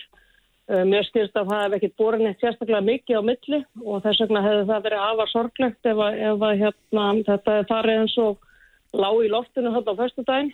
Nú er uh, valdið hjá flugfröðum sjálfum að, að kjósa um þennan nýja kjærasamning. Uh, en ég held að við höfum öll varpað öndinni aðeins léttar í nótt. Já, það er eins og þú segir, það er hérna, það, það er svona merkilegt með að við sko atkvæðagareisluna síðast og, þetta er samlingu sem er byggður að svipaðum ramma að hérna, að hann skulle ganga svona hratt eftir að einlega var búið að skella í lás. Já, uh, en það voru hérna atriðir sem út af stóðu sem að þurfti að ganga frá uh, og hefði þurft að gera hérna á sínum tíma en uh, það er náttúrulega alveg ljóst að deilan hefur verið afarhörð uh, og hérna ég, hérna ég ætla svo sem ekkert að, að hérna fara að spekuleira eitthvað um það hvernig atkvæðagreisla fer. En þetta er hins vegar um, Þetta er hins vegar mjög gleðilegt að þetta hafi verið þannig að, að flugfjörur ná að, að kjósa eitthvað nýtt um samning og þá, þá þau atrið sem stóðu í flugfröðum að þau verði þá borin undir samning aftur. Mm, mm. Eða atkvæðagreisla. Já, já, nefnitt. Hvað svona, þið, voru mjög harðorði í verkefnisræðingunni gæra og fyrradag getur maður sagt um, um stöðuna og um þessar uppsagnir og framkomu Æslandir í garð, garð sinna starfsmanna þú talaður um þetta væri hrein vannvirðing og það er það allar aðferðin nýttar til að vinda ofan þessari vittlisu, ég meina þetta var gert þó svo að samningar hafi náðust eftir og hefur þetta einhver hefur þetta einhvern eftirmála, eða eftirmál Já, það var náttúrulega fullt tilefni til að taka mjög harkalega á móti þeim hótunum sem lágu í loftinu á föstudaginn. Uh, Það var í rauninni eitt fyrirtæki var að hóta því að sniðganga viðsemjötu sína og fara að semja við önnur stjættafjölu og það er eitthvað sem við alltaf ekki séð á íslensku vinnumarkaði þannig að það hvað við uh, nýjan tón uh, og við munum að sjálfsögðu hérna fjalla um þetta áfram. Uh, við bröðumst harkalega við og voru tilbúin til að beita í rauninu öllum þeim meðlum sem við höfum yfir að búa, uh, félagslegum meðlum uh, og, og hefði verið fullt tilefni til ef að það var sniðganga félag. mm -hmm. Þarna sína sig hins vegar líka hvaða skiptir miklu máli að vera aðili að heldasamtökum þannig að flugfröður hafa fengið stuðning frá okkur og skjól frá okkur og við hefum geta beitt félagslegu meðalum innan okkar raða til að styðja við flugfröður. Ég tel að það hafi haft áhrif en hins vegar vorum við að sjá algjörlega nýjan tóna á, á íslensku vinnumarka á förstu daginn sem er, er tölvört ágefni. Mm. En hvaða meðal hefði þetta verið? Ja, við vorum að sjálfsögða að skoða uh, samúðaverkvöld. Mm. Uh, við mátu þessi svo á förstu daginn að ef að þetta erði liðið á íslensku vinnumarkaði að, að setja viðsemjandi til liðar og fara að semja við einhver aðra sem við var svo sem aldrei ofinbært hverjir væru þó að, þó að það var svo sem undir niðri leiði fyrir mm. uh, að uh, ef að þetta væri meðalinn sem mætti að beita íslensku vinnumarkaði með blessun samtaka aturlífsis að þá hefðu við þurft að beita öllum þeim meðalinn sem við erum með í, í, og verkvarum í okkar verkvarakistu til að koma vekk fyrir það. Mm. Uh, mér langar aðeins að útskýra því það hefur verið svolítið hérna Það verður svolítið miskilíkur í gangi varðandi flugfröður. Nú eru náttúrulega tveir kjærasamningar í gangi við flugfröður. Mér skilst og ég hafi ekki séð annan samning sem er við Íslenska flugstjæftafélagi sem plei hefur gert mm -hmm. og við höfum kallað eftir honum og þá er, er vist einhver slíku samningur í gildi að flugfröður hafa aldrei verið með algildan kjærasamning á Íslensku vinnumarka eins og gildur um önnustöð. Þetta hafa verið meir og minna vinnustöðasamningar. Eh, varðandi önnur störf á íslensku vinnumarkaði þá er það þannig að það er, það er gerðu kjærasamningar um þau störf og þau gilda þá fyrir öll störf á íslensku vinnumarkaði sem er það seglis. Eh, flugfröður hafa hins vegar verið bara með vinnustæðasamninga þannig að þess vegna eru þær eða þau svolítið sér á báti á íslensku vinnumarkaði. Mm -hmm. Eru þið þá veikari stöðu eða ég skil ekki alveg, verður viðkenni, ég skil ekki alveg munin? Já, munurinn er sá að ef það veri algjöldur hérna, kjærasamningur fyrir þessu störf á íslensku vinnumarkaði, mm. þá var ekki hægt að semja öðruvísi við önnur uh, fyrirtæki. Já, já, þannig að þá hefði flugstjættar félagið aldrei getað sami sérstaklega. Nei, nei, nei. Uh, og það hefur svo sem verið okkar draumur um langa tíma að gera algjöldan kjærasamning fyrir flugfröður og mm. það hefði líka verið styrt uh, í rauninni þau flugfélögu sem eru starfandi hér á Íslandi og uh, varið þau gegn sko undirbúðum annara, annara fyrirtæki. Mm -hmm. En þegar þú hérna, fjallar um þessi, þessi hörðu viðblöð sem að þið hefðu hérna, sáðu fyrir ykkur að þurfa að fara að grípa til, þá verður maður að spriða út í það að sko, nú ræður þetta fyrirtæki algjörna lífróður mm. og við sjáum all hvernig ástandið er í flugheiminum, í ferðarþjónustu og svo framvegis og svo framvegis og það er auðvitað, hérna, það er einhver til að skipta í þessum félögum í augnablíkinu, minna hvaða tilgangi þjónar þá þessi hérna uh, þessi afstæða sko ekki, var, ekki félaginu nauður eitt kostur að reyna að losa sig út úr þessu, klem, út úr þessu klemmu með öllum þeim hugsanlegu hérna, aðferðin sem til eru Já, mér lókar að segja tent við því. Mm -hmm. uh, annars vegar að svo staða er náttúrulega ofta að koma upp á íslensku vinnumarkaða fyrirtæki síðan róa lífröður. Uh, vissulega er þetta í stærri skala heldur náður uh, en það réttlættir það ekki að víkja til hliðar uh, vinnureglum og íslensku vinnumarkaði. Mm -hmm. uh, í öðrulega langar mig að segja það að flugfröður hafa sínt þessu af að mikinn skilning. Uh, þannig að það, það er ekki rétt að þær hafi, hérna, þær hafi ekki haft það með í sínum viðræðum hver, hversu erfið staða Æsland er. þannig að það er þetta er um það að segja. Mm. Þannig að, að, að, að ég skilji þá rétt að að þú telur eitthvað viðbröð við þessu öllu hafi verið eðlileg? Það sjálfsögðu og, mm. og það, það var til með til veikillar hörsku uh, og það er nú til ítils að vera að sækja styrk í, í heldasamtök og vinnumarkaði ef að þú getur þá ekki nýtt þann styrk þegar þú ert í svona erfiðri kjæratinu. Mm. En sko, þú talar á hann um, um þessi samúðaverkvallin en eitt af því sem hefur auðvitað vakið miklu aðtíklu hefur komið sérstaklega fram hjá formanni Vaffer en þú hefur líka nefndir að beita áhrifum innan lífrisóða, hefðu þið verið farin, hefðu þið alltaf að ganga alla leið í því eða hvað, hvað hérna? Hvaða vakti sko, fyrir ykkur þar? Eru, lífeyrisöður eru með ákveðna síðarreglur já, já. og þeim ber að taka tillit til hérna, fjárfæstika ekki bara út frá því hvað er arðvænlegt, heldur líka út frá síðverðsluðu sjónamiðum og það, það var nú hérna, það voru setta síðarreglur í fjárfæstikum flestra lífeyrisöða hérna fyrir nokkrum ára síðan. Uh, við skulum hafa í huga að flugfröður eru, það er greiða í lífeyrisöðu vestlunamanna, það er þeirra lífeyrisöður. Mm. Eh, það hefði verið mjög það hefði þurft að taka mjög sérstakka ákvörðum fyrir lífyrsjóð vestlunumanna að fara gegn þeim uh, félögum sem greiða í sjóðin, uh, beinlínis að fara í fjárfestikar sem stríða gegn hagsmunum þeirra og þar hefði reynd á þau viðmið sem lífyrsjóðu sjálfur hafa sett sér. Mhm.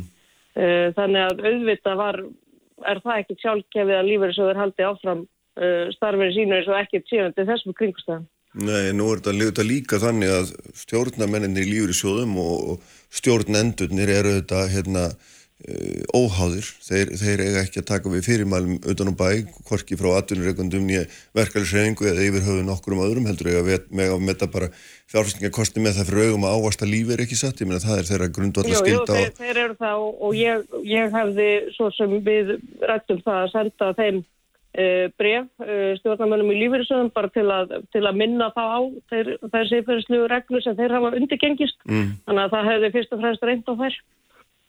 Þannig að það hefði ekki komist til annara afskipta ykkar hálfu en það. Uh, við vorum ekki komið lengra eða þannig, Nei. ekki innan aðeins í. Hvað, hérna, eitt sem að mér svona forvitnilegt líka þessu og mér langar að spyrja þau um sko er að, er að hérna, það var bóða strax verkfall á hálfu frugfrega uh, uh, og það er þetta ljóst að uh, það var búið að segja þeim upp og, er, og, og aðrir átt að gangi þeirra störf, ég meina, skýrðu það aðeins fyrir mig hvernig, hvað einlega, sko, til hvers og af hverju? Uh, það er rauninni fórsettan fyrir því að við höfum geta beitt samúðaverkvallum. Það er að flugfröður væru í verkvalli. Þannig að það var nú hérna undirliggjandi að, að hérna búa til verkvallstarf til þess að geta, geta fyrir- haft þá möguleika sem, sem að við vorum að skoða. Þannig að það er ástæðan fyrir verkfallsbúin þeirra það er svo að kalla eða búa til umhverju þar sem heildarsamtökin hefðu stíð inn í að kröfti. Meðal annars, já. Hvað hérna, sko, hvað gerist núna í framhaldinu? Nú er alveg augljóst hérna að drífa að, að ykkur og atvinnureikundum greinir sko á mjög um það hvort að, hvort að aðgerðir hérna Æslandir hafi verið lögmættir eða ekki. Þarf ekki svona sko að skera úr um það hvort að ég veit alveg hvað sko þú hefur en meina við þurfum ekki að fá úr því skori hvað má og hvað má ekki. Já, sko, það er þannig að þegar kjæra samningar eru undirrittaðir að þá, þá er líka gengið frá því að, að hérna hugsanlega, hugsanlega dómsmál fyrir félagsdómi að þau verður lög til hliðast. Þannig að það verður ekki skoru úr um það í þessari deilu. Nei. Uh, hins vegar er það náttúrulega ágefni að við erum kannski að fara að segla inn í það þegar, þegar svona hótanir eru uppi að þá getur komið til þess að þurfa að skera úr um það fyrir domstólum. Uh, ég vil hins vegar leggja það áherslu að, að hérna um, að um, félagslega leiðir verða reyndar uh, hvort sem niðurstaða domstóla uh, hvernig svo sem hún hefði fallið í þessu máli og, og þar er ágreiningur vissulega að þá er náttúrulega verkefnisefingin sækir styrk sinn í félagslega úræði og félagslega lustnir og félagslega samstöðu þannig að það hefði frekar reynd á það. Sko þegar uh, eitt af því sem að kom frá ykkur, frá framkvæmtastjóra ASI var að fullinning, svo fullinning æslandir hefði aldrei vilja semja, þeir vildu bara losna við þessa stjætt til þess að geta fara í aðra leiðir. Því hafi talað um félagslega undirbúð uh, hérna vantalega með það fyrir með, með það í huga að að félagi færi út fyrir landstræðan og satt bói hérna áðan og hann fullit að það hefði aldrei komið til talsinn af félagsins uh, æslandir ætlaði sér og hefði alltaf ætlaði sér að starfa á íslensku vinnumarkaði en eru þið ekki að fara full langt í þessum þessum yfirlýsingum? Uh, ég held að þeir sem hafi gengið lengst í yfirlýsingu séu í rauninni við sem myndu flugfröðu félagsins. Uh, það voru einhverju kraftar hann sem að ég hef ekki alveg aftam á sem voru samt að verki. Um, þessi kjaradeila er náttúrulega búið að vera ótrúlega langvinn. Mm. Það hefur verið gert fyrir og viðræðum trekk í trekk. Uh, þá hefur eitthvað verið í gangi sem á eftir að koma í ljós bara síðar hvað var. Mm. Uh, en uh, við höfðum það á tilfinningunni sterkli að, að það var hérna það var verið að beita einhverju bróðum sem við höfum ekki síðan áður á vinnumarkaði baki tjöldin og eins og ég segi var bara eftir að koma í ljós núna, það sem skiptir máli núna er að flugfröður hafa möguleika til að kjósa um nýjan samning En þú ert að segja með öðrum honum að þið teljið og teljið ykkur eða hafið grunum að það hefði einhvers konar undirferðli átt sér stað. Er það að segja mér það? Uh, já, ég veit ekki hvort þú kalla undirferðli eða hvað en, en við hefum eftir að svona okkur betur á kallaði það. hvaða kraftar voru í gangi þarna. Já, getur við kallað það bakteldamark? ég, ég ætla ekki að hafa stóra reyfilíska Nei. og maður að reyna að tempra sér niður að því Já. að búið undir þetta eh, en hérna en það er ekki öll hvort komið til grafar og það verður áhugavert að svona afla frekar upplýsinga um hvað hefur verið í gangi í þessu viðræðum. En það er hérna að þú segir að hérna nú er, nú er, sérst, nú er búið undir þetta samninga þú ert að reyna hérna svona róa því svolítið í kjálfarið á þessu öllu en, en, en hérna mm, sko, er, er þetta bara þannig í grunnina því að nú þetta svo mörg svona prinsipatrið sem er deilt um að þetta hérna, nú búið skrifandi samning og þá bara allt lagt til hliðar og, og, og, og menn gleyma bara því sem að gest hefur eða, eða hvernig virkar þetta raun og veru? Já, sko, það er þannig í kjærasamningum að þegar handsalæðir eru samningar að þá eru uh, deilumálin lög til hliðar um, og það, það er svona það, þau lögmál sem hafa verið í gildi. Eins og er erðan alltaf þannig að það var gengið alls í langt í yfirlýsingum á föstudaginn að ganga beilinus millir bóls og höf- höfus á, viðkjöndi stjættafélagi.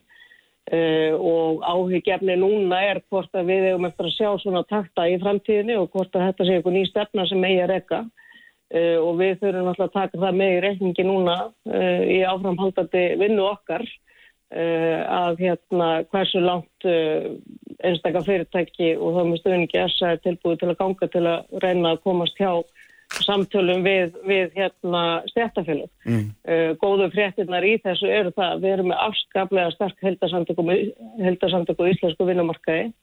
Uh, það hefur verið uh, samþygt að, að stjættafélög er ekki bara sko uh, félög sem að, sem að hérna, þjónusta sínu, sína félagsmenn dagstælega heldur eru við brjóstvörd fyrir vinnandi fólk á, á íslensku vinnumarkaði uh, og munum beita okkur þannig. Þannig að það er alvarlegt málið að fara að veikja verkefniseininguna í Íslandi sem hefur trátt fyrir allt staðu undir þeim lífskjörnum sem við þó njótum hér á, hér á landi. Ljómandi Dríga, hérna, komist ekki lengri í bili, takk fyrir að vera með mér. Takk. og hérna við haldum áfram reynda með sama mál því að Hörður Ægjesson, viðskiptur ístjóri í fréttablasins ætlar að setja þjána hjá mér eftir smá stund. Sprengisandur bylgjunni Uppspretta frétta á Sprengisandi á Bilginni. Sæli hlustundur, uh, Drífa Snædal farin frá mér, uh, þau verða hérna í lokþáttar Þröstu Friðfinnsson og Líni Ganna Sæfastóttir, þá ætlum við að ræða um saminningu sveitafélaga, uh, Þröstur auðvitað sveitastjóri grí- í Grítubakarreppi og mjög gaggrinn á það, Líni Ganna hins vegar þingmaður sem að laði fram eða mælti fyrir þingsáltöðu til um, um þessa saminningu sem við ætlum að tala um hér á eftir, en sestur er hjá mér Hörður Ægjesson sem er viðskiptarriðstjóri á fréttablaðinu Sæll Hörður, velkomin. Takk. Uh, Þú hefur fjallað mikið um þetta Íslandi mári, við ætlum aðeins að tala um það í nokkra mínútur núna hérna, og skrifaði nú hansi merkilega leiðara fyrir, fyrir rúmri viku þar sem þú varst að tala um plana og plan B og hérna og, og, og svona eiginlega sást nú nokkur meginn fyrir hvað, hvað myndi ég gera sko, hvað, hérna Mér leikur svona forvitna að vita, sko, hvað heldur þú að þetta sé stórt púst sem að náðst hefur núna og hvaða máli skiptir þetta um framhaldið? Já, það er allan ljóst að núna þegar þetta pústlögur hefur náðst að því gefnu að flugfröður samþykji samningin og ég sé nú ekki betur að, að þessi samningur, allan er markama yfirlýsinga boga, hann sé elítið hagstæðri fyrir flugfélagi eh, hann talar um viðbútar hagræðingu mm. eh, stór liður í því að bæta samkennistuðu eh, Æslandir eh, er að ná fram eh, meira hagræðingu í samningu í flugstyrtunar eh, en ég eins og ég nefndi í leðurunum um daginn þá er þetta, þetta bara eitt púsla fjölmörgum öðrum Já. og eins og félagið sjálft tala um það þarf að nást jákvæð niðurstaða í viðræður við ímiskona uh, lánadrottna við Boeing, við fæsluhri félagsins mm. og aðra aðela og, og maður er svona hóflega bjassið mm. um að það takist og í kjölfari verið þá hægt að efna til þessar hlutaverúbúðs sem félagi segist alltaf stefnaði miðjan ágúst og ætlar að sækja sér alltaf 30 miljar á króna þannig að en vissulega var þetta, þessi samningu sem náður svona hlutfyrirðunar uh, mikilvægur Mm, mm. En hvað, hvað er svona þegar ég var að reyna að spyrja bóða, sko, hvað, hvað er raun og verið mikilvægasta púslið? Jú, þetta er svona einhver forsenda þess að hægt er halda áfram, en hitt er náttúrulega líka risa stórt, er það ekki? Það er í sem maður myndi ætla sérstaklega varandi samkomla við Boeing Mm. um hvernig ég að fara með aðfendingu á þeim vélum sem eru búin að panta. Ég myndi að halda að það verður neitt stærsta atriði. Það þarf að nást vissa um hvernig því við landa áður en að fjárfæstar fara íhuga að setja peningi félagið. E, en síðan má líka horfa til þess að, að félagi er núna búið að ná að hagraða í þessu samlingu flugstættunar sama hátt og, og flugfjölu sem þeir á að hort til í gennum tíðuna eins og British Airways, mm. Lufthansa og Finner og, og fleiri fjölu og SAS eh, náðu sambarlegum breytingum í sínum samlingu við flugstættunar eins og þessi fjölu náðu fram svona áraunum 2010 til 14 mm -hmm. eh, en, en, en kannski en þessi fjárfestar munum kannski horfa til er þessi sömu fjölug hafa á undanfönum vikum mánum verið að ná fram ennþá meiri hagraðingu í sínum samningum mm -hmm. við flugstættunar og það heyrir maður alveg að samtölu við stóra hlutæg á æslandir að þeir spyrja sér þeirra spurningar er þá kannski samkennist aða æslandir eftir sem áður aðeins lakar en þessar aðala mm -hmm. en þannig að þetta verður þetta er eitthvað sem, sem menn munu þurfa að horfa til þegar þessi útbúslýsing í aðranda hluturópasins byrtist. Mm, þannig að þú ert að svona leiða því líkum að, að, hérna, að þetta sé, þetta er sem að segja einsku too little too late. Æslandir verður þetta aldrei samkjæmist að hæfasta flugfélagi heimi Nei. þegar flugfélagi keppir kannski á horfum kannski til annar aðtrað en, en já, það getur verið að, að það þurfu kannski að koma meira til mm. Sko, er, er hérna, ég veit ekki, er er ekki mikið bjart sína ætlað lífeyrisjóður sem eru þegar búin að tapa stórfíu mm. inn í félagi og eru undir miklum þrýstingi eins og við sjáum augljóslega já, já. Uh, að þeir, hérna, þeir séu tilbúinu til þess að auka Ég held að lífeyrisjóður hva, hva, Hvernig metur þetta? Ég veit að þú ert í já, miklu sambandi við allt þetta fólk Ég, meni, ég held að lífeyrisjóðunir þeir eiga hvað rétt liðilega helming hlutafjóðs í félaginu mm. og eins aðri hlutafar þeir að horfi nú á máli þannig nú er þetta fjárfestingi félaginu ef töpuð. Já. Eh, þannig að núna er bara verið að horfa á algjörlega nýtt uh, case sem að sletta. Uh, og munu meta fjárfestingi mögulega fjárfestingi út frá því. Uh, þeir eru þetta minnu við þess lífyrirsjóðanir og að þeir komu að félaginu 2009-10 þegar það var endurreist. Og og það var kannski þá var það gerðir nýju samlinga við fljóðstéttunar mm.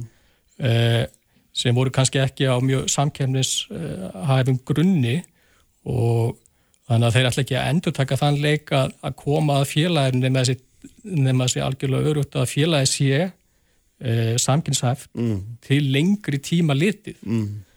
og þeir munu að horfa á þess að þeir, þeir hafa umbóðskildu að gegna, þeir ver, geta bara fjárfest í félaginu ef sínt sér fram að það sé með uh, á viðskiptulegum fórsöndum þannig að, þannig að það er eina sem, sem þeir minn að horfa til í þessu. Já. Og hérna því svo er náttúrulega mjög svona flóknir hagsmunni líka eða, eða ef ekki segja svona, já, það eru flækjur út af þessum stjættafélags þrýstingi og, og, hérna, og fólk hann innan dýra er í stjættafélagum og, og hérna, sem eru vil á díla um fjárfestingarnar auðvitað.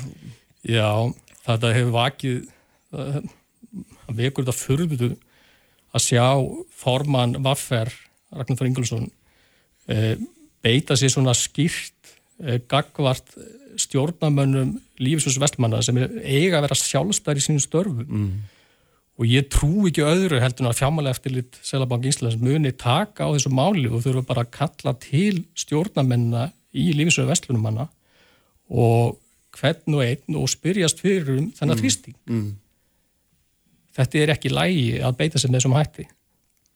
En finnst þér að það verkefliðsfélagin er alls ekkert að beita sér til þess að hérna, það sem þau myndi segja var verja hagsmunni sína félagsmanna eða þau bara, bara hérna, snúa sér við og segja bara einhverjum öðrum að stýra, hérna, ráða þessum. Nei, nei, en, en, en það gilda ákveðna lög og reglur um hvernig, hvernig stjórnamenn í lífeyriðsíðunum eh, eh, taki ákvarðanir varandi mm. fjárfestingar og þeir eiga að vera sjálfstæðir og, og stjórnamenn í verkefælisílunum eigi ekki að gefa þeim einhverjar, einhverjar e, bóðanir inn á fundi. Mm.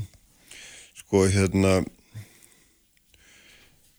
eh, eins og staðan er núna, þá er náttúrulega rekstur þessa flugfélags og rekstur flugfélag yfir höfuð ekkert, ekkert sjálfbæri það segir sér sjálf, ég meina það er engin trafík, það er bara eins og eins og staðnindin lítur út og hérna og svona þú veist að eh, bæði fjárfæstandi sjálfur sem að þurfa að koma inn með peningverði hvort sem það er núverandi eða, eða fyrir, hérna, fyrirverandi eða, eða, eða einhverju nýjir og eins náttúrulega síðan þegar ríkið þarf að fara að garantera mm -hmm. hérna, einhverju lána fyrir greiðslu ég, ég veit ekki er, það er þetta svona flókið að sjá já, fram úr þessu?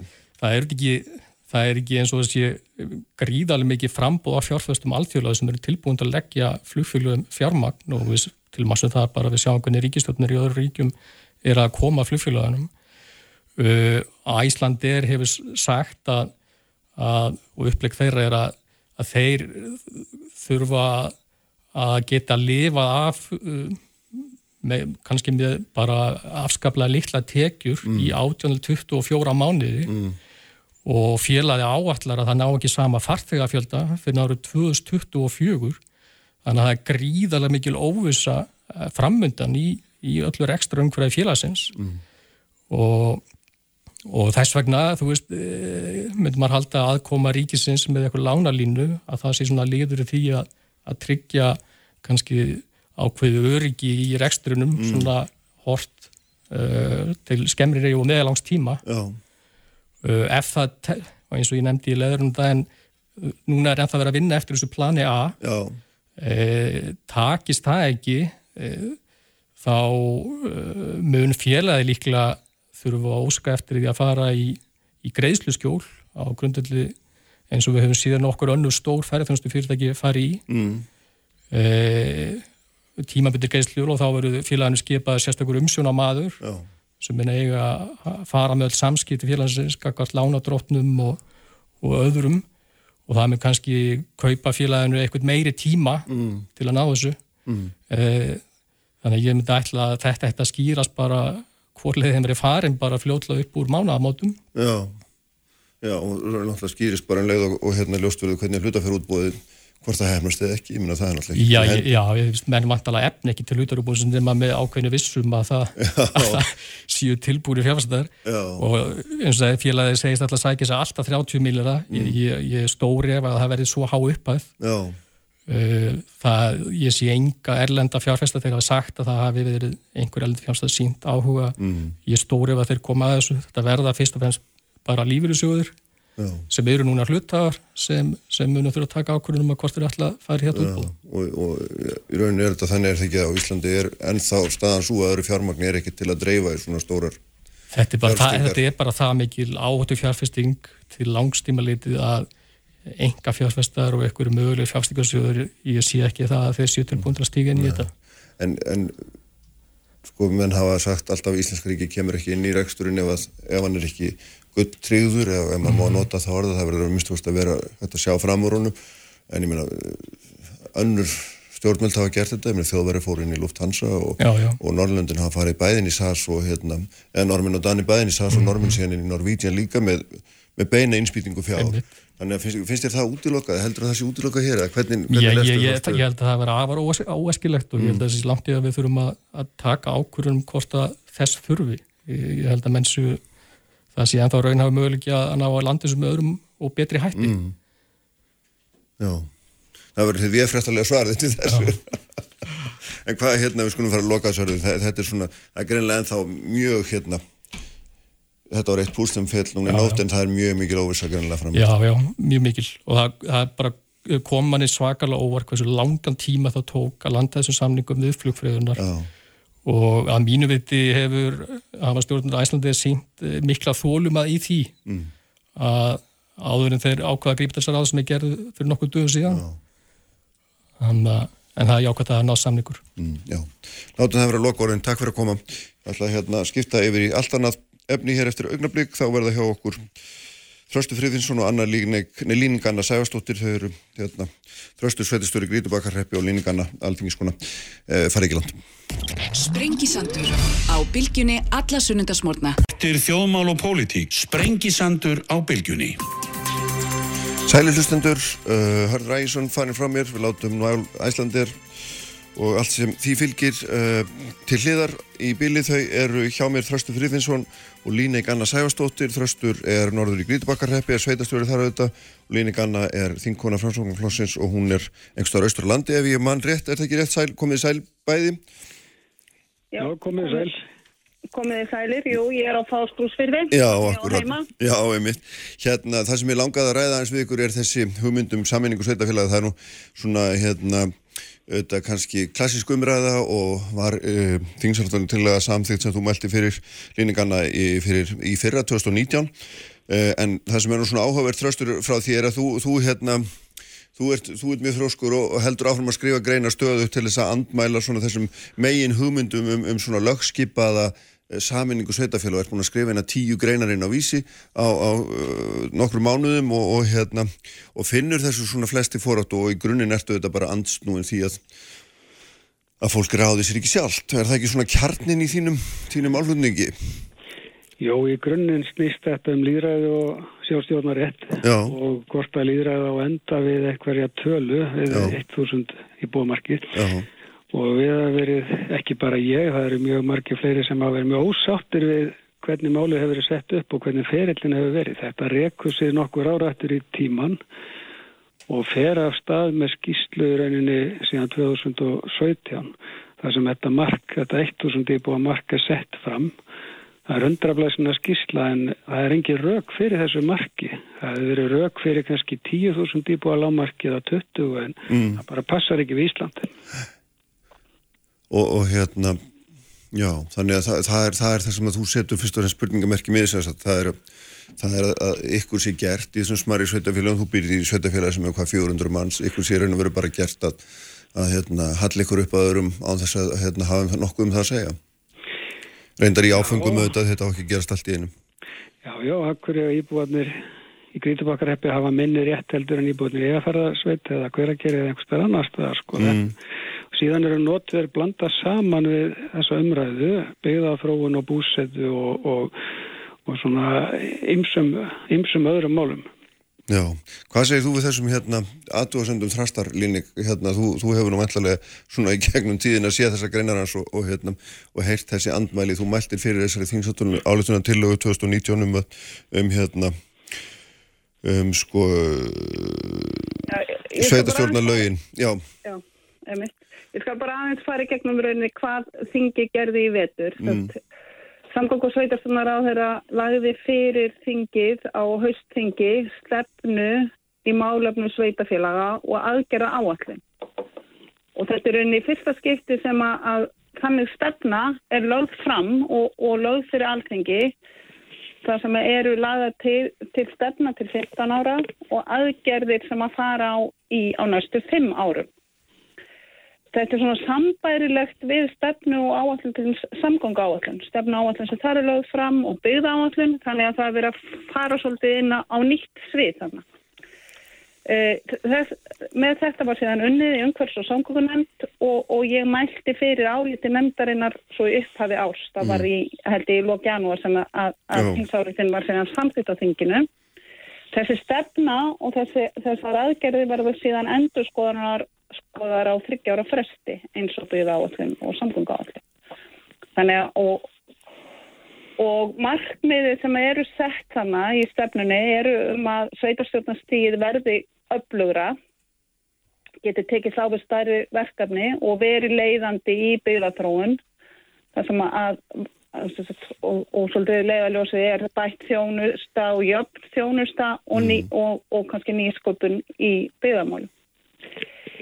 En síðan er ein aðgerðin af þessum 11 er ákveði viðmöðun um íbúafölda. Mm -hmm. Og það er þá í rauninni, sko, það er ekki markmiði sjálf og sér heldur að það leið að markmiðinu og kannski mæli hvað er á það hvernig gengur. Markmiði er semst ekki að fækka á stækka heldur að, að búa til og skapa öflugur og stjórnsýslu stygg. E, Þarna eru lögð, lögð til ákveðins íbúafjöldam viðmið og ártal sem að stend væri að. Mm. Ef að síðan að, sagt, það eru ymsar aðgerði kannski af þessum ellefi sem kalla á ákveðna lagabreitingar, sérstaklega varandi þessar aðgerði snúa um íbúafjölda, um fjárháslega samskipti ríkis og sveitafélaga, um aðstæðu kjörinu fulltrúa og fleira og eitthvað af þessu kallar á lagabreitingar. Það stóð til að það kæmi fram frumvarp á vorþingi því var fresta vegna COVID og ég veit raunin ekkert hvað verður um það síðan sko, hvort, mm -hmm. að, hvort að það verður eitthvað áherslu næsta vetrar eða hvort það býður eitthvað lengur Já. af því að aðgerðunum er hægt að vinna hvort mm. sem að, að það er búið hvena sem að kemur að lagabreitingum. Já, en þröstur, eh, þegar að hún líning annar lesa þetta upp og þá hérna, virkar þetta allt saman mjög samfærandi það á hérna, styrkja einingarna, styrkja stjórnsísluna, styrkja og bæta þjónustuna, minnst þessi möguleikja að bjóða upp á jafngóða þjónustu hjá, hjá öllum eða langt flestum, menna hafnar þessu bara algjörlega? Nei, ég held að sé allir sammála en um það að það sé gott mál að styrkja sveitastjórnastíðið og það er allir sammálan um það að fólk hefur að fá góða þjónustu og hefur rétt á sem jafnastri þjónustu. Hins vegar er hlutanust núi á kvolv þegar að á að þvinga fram sammenningar þar sem að íbúarnir eru algjörlega samfærið um það að muni það muni leiða til verðið þjónustu en ekki og þá, þá eru komin út á svolítið skrifna bröð. Mm -hmm. Sem er? Já, það er, það er þá í rauninni verið að stefna því að styrkja byggjarnir að það leiði til veikinga í staðin, sko, það er, er þessi öguþróun. Það er annað líka með þessa tillög og þarna eins og nefndir 11 liðir og það er mjög slemt í rauninni að þessi eini liður að hann skulle hafa yfirtekki umræðina. Þannig er mjög aðri miklu mikilværi liður fyrir styrkingu sveitastjórnarstyrksins heldur en íbúafjöldin. Mm. Hann samanninga sveitafélagar styrk ekki sveitisjónastíði svo neinu nemi. Þetta er innan við 5% íbúa sem búa í þessum litlu sveitafélagum. Mm. Þetta er engin áhrif á stöðu sem svo höf, höfburgarsvæðinu þar sem það er langsamlega stærst. En þannig er inni aðri liðir eins og til dæmis tekistofna sveitafélaga og verkarskipti ríkis og sveitafélaga og það er talað um fjölgun ofinbæra starfa á, á landsbyðinni og þann, þar er hins vegar ekki það er engar leiðir, það er engar tölur, það er ekki sett að við ætlum að fjölga um 10 eða 20 ofnbjörn störf fyrir einhvern ári eða einhvern tíma. Mm -hmm. Það er engar tölusettar aðgerðir mm -hmm. og við sjáum svo svona hvernig störfin haldi áfram svolítið að síga til Reykjavíkur. Mm. Já, já, og sjáum það nú síðast núna þarna í nágrunni við því hérna þröstur í fangilsinsmálunu þó því hafa nú verið frestað eitthvað hérna öllítið en, en líningar sko hérna er, er það ekki þannig að sko fólk, heima fólk uh, veit best hvað því er fyrir best og þú býr nú á fáskursfyrðu, þar var ég nú fyrir nokkrum árum og þar var hérna, þar var mikið kvarta yfir því að, að saminning fáskursfyrða við önnur sveitafélagi orðið til þess að öll þjónustan flutti bara bænum, fyrirtækinn fóru bara öll inn í kjarnan og ekkert varð eftir eða minnst miklu minna heldur en menn hafði eitthvað með einn haldi fyrirfram. Já, ég byrja á fórstofsveitu og hef farið hér sem sveitastöfnamaður í gegnum tvær saminningar, fyrst búðarreps og stöðarreps í Östubið og síðan þegar Östubið saminaðist Kjærabið. Mm. Auðvitað hafa orðið miklu breytingar á þjólustu, eitt og, og í, í, í ymsar áttir. Já. Meðan sem þau batna þá hefur önnur svona og þá er ég ekki endilega að tala um mópubæra þjónustu heldur þjónusta, vestluna þjónusta og stíkt fæst annað, en það tengist kannski frekar bættum samgöngum. Uh -huh. og bættar samgöngur eru auðvitað líka grunnurinn að því að það sé hægt að samina sveitafélag umræðan um saminningu sveitafélag hefur samt færst svona frá sko fyrst eh, eða hvað ég var að segja fyrst það er kannski ekki fyrst í þessu sveitafélag hafa verið að breytast á Íslandi fengið þau hafa verið til en kannski svona í millir 90 og 2000 þá var þetta aldrei mikil umræðan um það að það væri verið að samina samfélag en nú er frekar verið að samina stjórnsýslu og um leið að horfa kannski meira á hlutverk sveitafélaga við að styrkja og setja fann stefnu um mismöndi samfélag innan hvers sveitafélags mm -hmm. og það komið mitt fram í umfjöldun nefndarinnar og bæði fyrir þingin og eins bara í aðdranganda þess að tilaga maður lögð fram að það bendir byggðarstofna á það hvað er mikilvægt að skilgruna hlutverk sveitafélaga við að verja veikari byggð en líka við að sko og mín skoðin að það þurfi líka að horfa á það að hver sveitafélaga seti stefnu um þróun hvers byggðarlags innan sveitafélagsins mm -hmm. að að, og, og það er kannski mitt hefur orðið svolítið áskorun hérna í þessum þessum fjörðum okkar í fjörðarbygg þar sem að er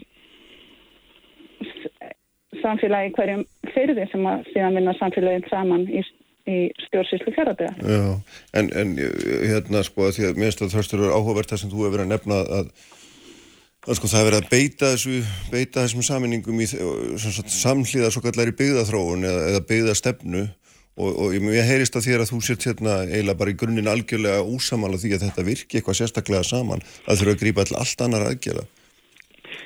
Já, ég held að, að sko byggð, byggist alltaf á atvinnu, byggist á sterkum atvinnufyrirtækjum og þar á eftir síðan á þeirri þjónustu sem er í bóði og Saminninga það leysi ekki vandamál. Við getum bara tekið hérna Norðausturland sem dæmi.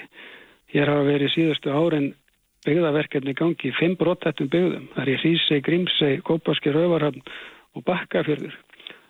Allt eiga þessi staðir það sammeilegt að hafa saminast öðrum sveitafölum, stærri sveitafölum. Þannig að saminningarnar er ekki að leysa vandan það sem hann er staðar og það er sem er verra í, eins og í okkar tilfelli. Það er Það er búið að samina fullt af sveitafélum og það er búin að verða til stór sveitafélag bæði fyrir austan og, og vestan og, og norðan. Það vantar rannsóknir, það vantar upplýsingar. Nú er þetta svona 20 ára feril, svona frá því þetta byrjaði mm. fyrir að marki. Það vantar rannsóknir um reynsluna þeirra frá líður. Menn voru almennt ánaðir svona fyrstu árin. Það var reynd að bæti þjónustu allstaðar. Síðan fjarar undan þeirra frá líður og það vantar þekkingu og það er, mér finnst það mjög slemt að menn ætla að fara að lögþinga fram saminningar þegar vantar grunninn undir hvað það er þýða. Já, hvernig svarar þessu líningu? Þið, þið ætla að fara þessa leið á hans að hérna Liggi ekki negar ansóknir að bækja þín mati? Það er náttúrulega mjög mikilvægt og ég stið það alltaf að það svona minni sér fyllt eftir í að pliða með rannsóknum og mm. það er mikilvægt og það er eins og rannsóknir til En mér finnst líka eins og náttúrulega fram að koma hérna mjög mikilvægt að halda því til haga. Það eru skiptar skoðanir þvert á all, alla flokka held ég eða flesta flokka.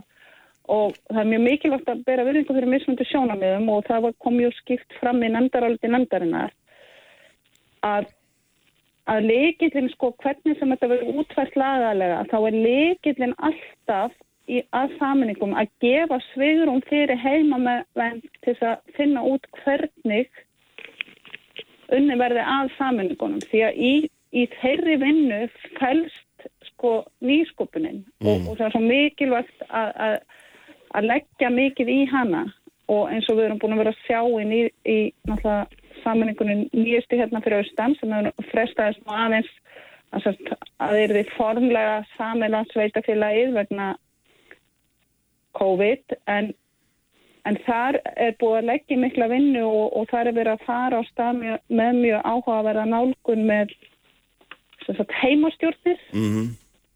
Þar sem er, eru farna nýja leiðir og eins finnst mjög mjög áhugavert á Norðurlandi þar sem Tingaða sveit og skútustæðar fyrir er að vinna saman að nýskopinu í Norðri og ég held bæði þessi verkefni gefa alveg svona nýjan tón og nýja sín í þessa vinnu við mm. samanleiku sveitufélag og auðvitað er mikilvægt að fylgja því eftir með rannsóknum. Mm. En, en það er líka líkil atriði í lagalega útvarslu og það er skýr skilabóð alþingis um það að það verði búið til þetta sviðrum fyrir heimamenn að vinna þessa vinnu. Þannig að þó að séu sett viðmiðum ákveð áttal að þá þarf að huga aðstæðum á hverjum staðum hvernig málin eru leist. Mm. Og þannig að það er ekki endanleg mm. viðmiðið er ekki sko endilega áttalum hvenar vinnin á að vera lókið. Nei, akkurat. Það er mjög, mjög gott að ræða þessa nýjastu sammenningu fyrir austan því að það er akkurat sammenning sem byggir á góðri vinnu eins og Linnek segir og að íbúðnir eru með í ráðum frá upphafi.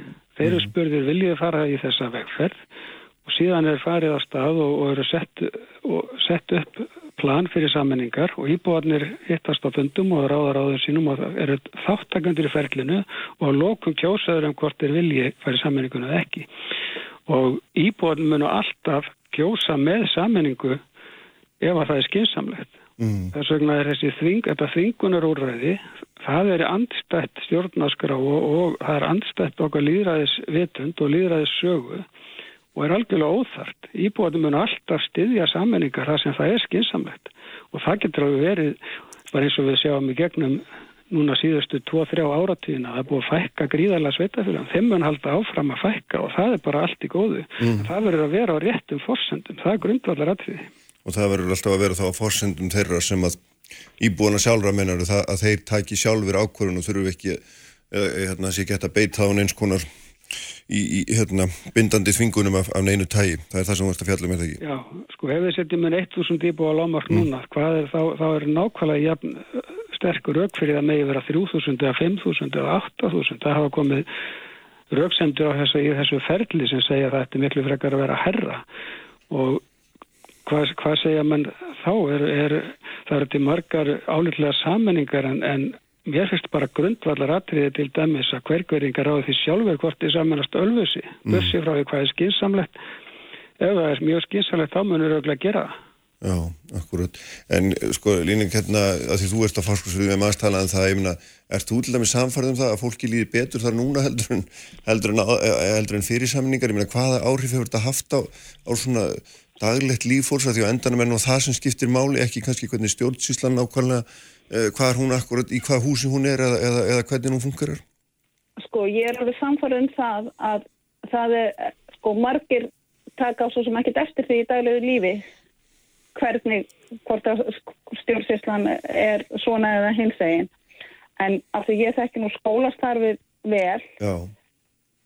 að þá var mikið breyting að sko fara að vinna saman skólar í saminuðu sveita, sveitafélagi stann fyrir að vera bara hver skóli fyrir sig, jáfnveg þó væri svo tjónusta frá skólaskrifstofu að það breytti mjög miklu, það er ímislegt í sambandi við, við félagsþjónustu sem að hefur breyst mjög mikið á síðustu árum og, og er ennþá mikið breytingaferðli gangi en, en það þannig vinna sko, hún er meðal annars breyst út af saminningu sveitafélaga bara almennt á landsvísu að, að það er bara hægt að vinna allt öðru sér á því sviði heldur var áður. Mm, og betur þá?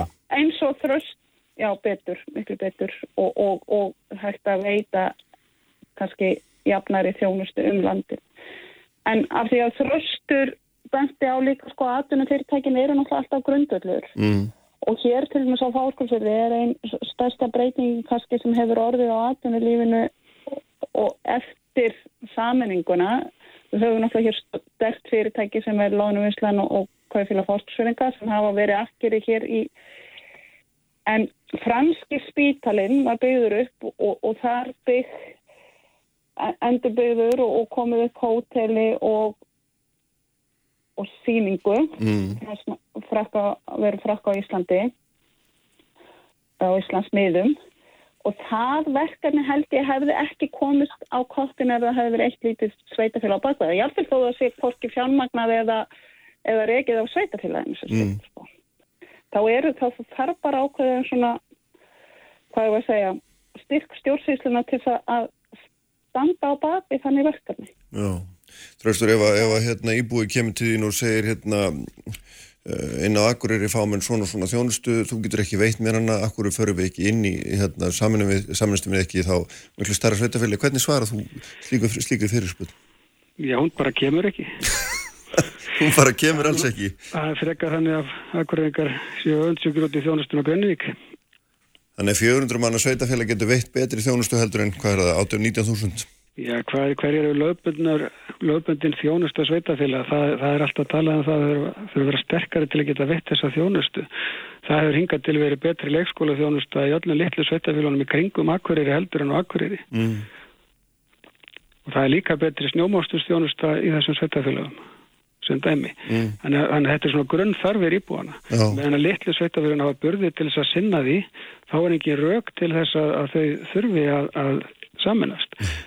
Nú við erum með ímiðsverkefni í gangi í atvinnulífinu og í uppbyggingu sem að munum vonandi líta dagsins ljós á næstu, næstu misserum og það, það þarf ekki að vera endilega, það segja ekki hvort það er betra að verða að sveita það sé aðeins stærri að minna. Mm.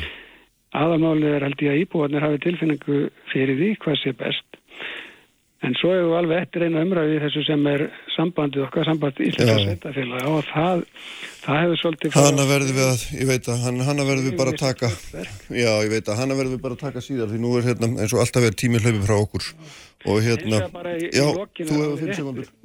Rétt segja að alþingi hefur alltaf staði verðum líðræðið og við trúum því að hann muni gera áfram. Ljómandi, Líninganna, takk fyrir að vera með okkur, þröstur sömur leiðis norðan úr Gítubakarreppi, Líning austur á Fáskúsfyrði, uh, sprengisendinu verðum við að láta lokið í dag, ég var Jóhann Haldursson stýrið auðvitað útsendingun eins og alltaf og efnið er á vísi.is og bilgjam.is og sjálfur er ég með ykkur aftur eftir vikum, verið sæl.